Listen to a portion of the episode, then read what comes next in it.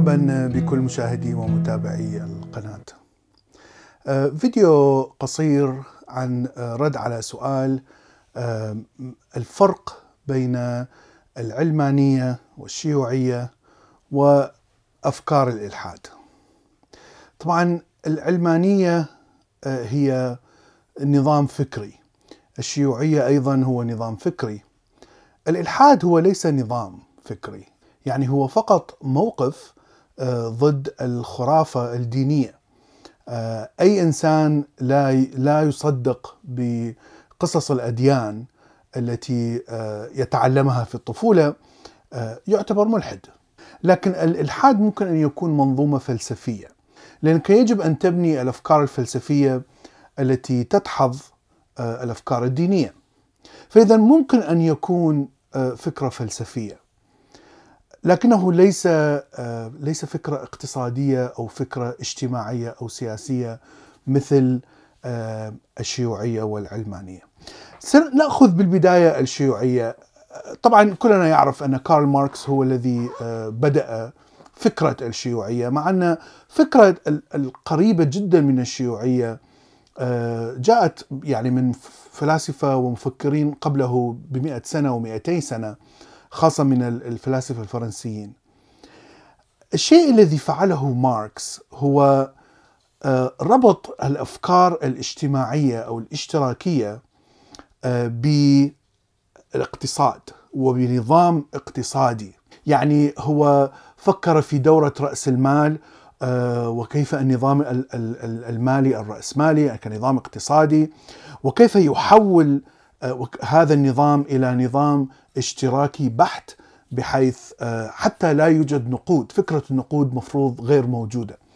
ففكرة ماركس هي ليست فكرة فقط مثالية بمعنى أن يعني الكل يذهب ويعمل لكن لا يوجد رواتب لكن إذا احتجت أي شيء ستذهب إلى السوق وتأخذه. يعني الفكرة مثل فكرة الجنة، فكرة مغرية فعلا إلى إلى درجة كبيرة وطبقت كثير من المرات لكن في حدود مجتمعات صغيرة جدا من الصعب أن تطبق هذه الفكرة على مجتمع كبير أو دولة كبيرة لأن اختلاف تفكير الناس اختلاف ثقافتهم اختلاف الغرائز اختلاف التربية هذا كله يؤثر على هذه المعادلة أنك فعليا تعمل لأجل الجميع وأنك تأخذ فقط ما تحتاجه مثلا من السوق. وفكرة غريزة الإنسانية أنه أنه يجب أن يورث أكثر ما يمكن من الحاجيات إلى الأولاد يعني هذه غير مأخوذة بنظر الاعتبار في في الشيوعية. ولهذا كنظام اقتصادي هو نظام يعني فشل المشكلة في في تفكير ماركس أن أنه أخذ فكرة هيجل والتي تقول بأن كل فكرة جديدة لها نقيض وهذا النقيض يكبر ثم يسيطر النقيض على الفكرة ثم يصبح النقيض هو الفكرة الأساسية. هذا التحوير الذي وضعه ماركس.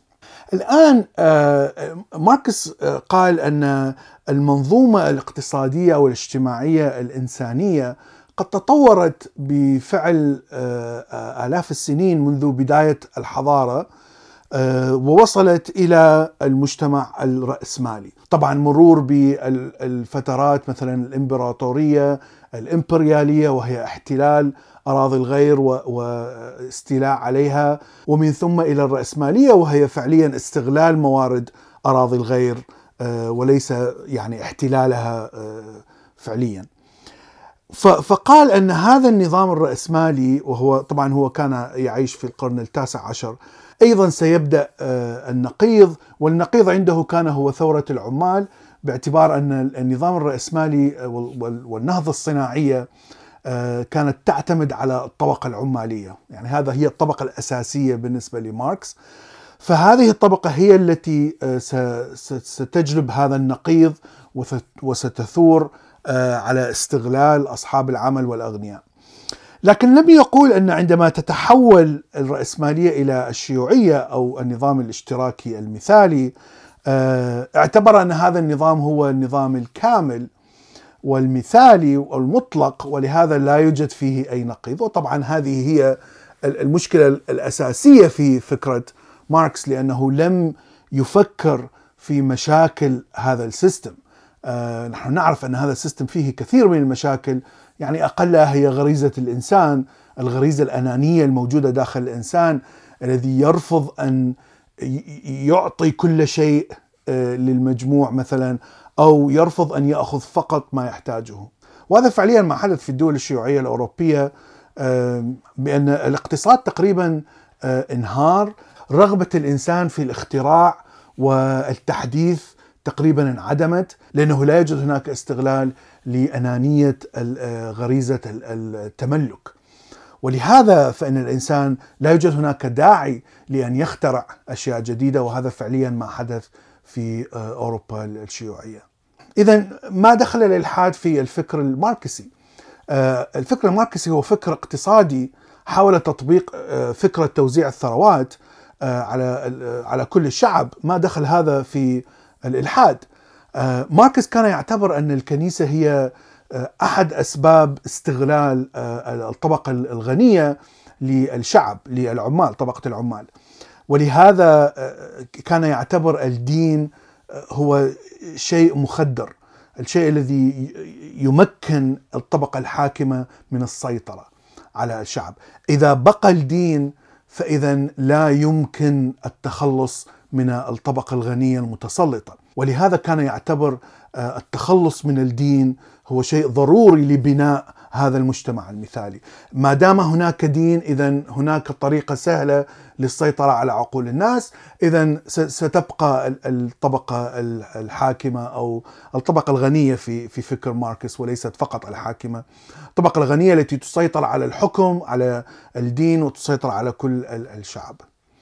اذا أنا لا أعتبر ماركس آه، ملحدا آه، بشيء مبدئي لأنه يقف آه، فكرة فلسفية ضد وجود الإله أو ضد الأديان. هو وقف ضد الدين لأنه يتعارض مع إمكانية بناء هذا المجتمع الاشتراكي. وحتى لا يسمح لأي طبقة بأن تسيطر على الناس أو على عقول الناس. باستخدام الدين أو أو أي فكرة أخرى تخدر الناس. فمقولته المشهورة الدين أفيون الشعوب كان يعتبر طبعا لأنه كان يعتبر الدين هو تخدير فعلي للناس. وهذه الفكرة فيها كثير من الصحة. نحن نرى أن الدين فعليا يخدر الناس عندما آه، كان صدام في الحكم في العراق لأنه كان يقول آه، نفس كلام الدين وكان يردد كلام الدين. ترى الشعب نائم آه، يعني الشيعة كانوا يحاربونه لأنه حارب الشيعة وأنه دخل حرب في إيران ليس لأنه سني. لكن عندما احتلت أمريكا العراق بدأت الثورات وبدأ الغضب آه، فقط لأن المحتل أو الشخص الذي يحكم هو ليس مسلم ليس من نفس الدين. يعني ضع حاكم جائر آه، على أي شعب مسلم لكن آه، اجعل هذا الحاكم نفس الدين ترى الشعب نائم ضع حاكم صالح وعادل وأقصى العدالة لكن لكن لا تجعله نفس الدين ترى أن الشعب سيثور ويقتل هذا الحاكم العادل فقط لأن الدين يختلف. الشيء الشيء الآخر هو العلمانية. طبعا هناك كثير من الكلام عن العلمانية خاصة في هذا الوقت والثورات التي تحصل في الشرق الأوسط آه، وفكرة فصل الدين عن الحكومة أو عن الدولة وجعل الوطن للجميع. وهذه الفكرة التي آه، جاءت أيضا من من أوروبا ومن بالأخص من الثورة الفرنسية وحتى من الثورة الأمريكية آه، قبلها بأن الحكومة يجب أن تكفل حق العيش وحق ممارسة الدين لكل الأديان ولكل الأطياف مهما كان دينهم حتى ولو كنت ملحد لكن المهم أن كل المواطنين متساوين في القانون ولا يوجد دين هو المسيطر الرئيسي على الحكومة على القوانين وعلى تشريع القوانين. فهذه هي فكرة العلمانية، طبعا هناك كثير من العلمانيين الذين يرفضون الدين وقد يكونون ملحدين، لكنها ليس بالضرورة هي فكرة ملحدة مثل الشيوعية، لأنه إقامة العلمانية في أي مكان في أي دولة لا يعني أننا سنتخلص من الدين تماما. مثلا أوروبا الغربية هي فعليا دول علمانية بحتة مع أن هناك كثير نصف سكان شعوبها مثلا لا زال متدين. وهم يحترمون الأديان والأديان موجودة نفس الشيء في أمريكا في أستراليا جنوب أفريقيا. الدول التي اقامت الحضارة الغربية الديمقراطية والتي نسميها نحن بالعلمانية. هناك دائما محاولات من الكتل الدينية حتى في هذه الدول أن تتحاول أن تتدخل في الحكم. وتتدخل في تشريع القوانين. لكن دائما هناك جهات مضادة خاصة جهات حقوق الإنسان مثلا تحاول أن تبعد الدين عن تشريع القوانين لأن فعليا إذا وصل الدين إلى تشريع القوانين فسوف يضطهد الأديان الأخرى بشكل طبيعي لأن لأن الدين يحقر من كل فكرة أخرى لا تنتمي إليه وبهذا فهو سيحارب كل الأديان الأخرى. مهما يكون الدين حتى لو كان الدين بوذي فهو أيضا سيحارب الأديان الأخرى بشكل طبيعي. ولهذا العلمانية أعتقد أنها هي نظام سياسي ونظام إصلاح اجتماعي ليست بالضرورة ملحدة لكنها تقف بالحياد بين الإلحاد والإيمان لأنها لا تهتم إذا كنت ملحد أو مؤمن. هي تهتم فقط أن تشريع القوانين والحكومة تطبق على كل الطوائف وكل الأديان ولا يوجد دين أفضل من دين أو شريعة أفضل من شريعة. الشريعة يجب أن تنتخب، القوانين يجب أن تكتب بالانتخابات، والقوانين يجب أن تتغير حسب الظروف الاقتصادية، الظروف السياسية، الظروف الاجتماعية، الظروف التكنولوجية، هناك كثير من القوانين ظهرت إلى الوجود بعد ظهور الإنترنت. هناك كثير من القوانين ستظهر من الآن الناس يفكرون فيها للسيارات التي تقود لوحدها بالكمبيوتر بدون تدخل الإنسان. كثير من القوانين ظهرت للوجود بعد أن ظهرت الطائرات.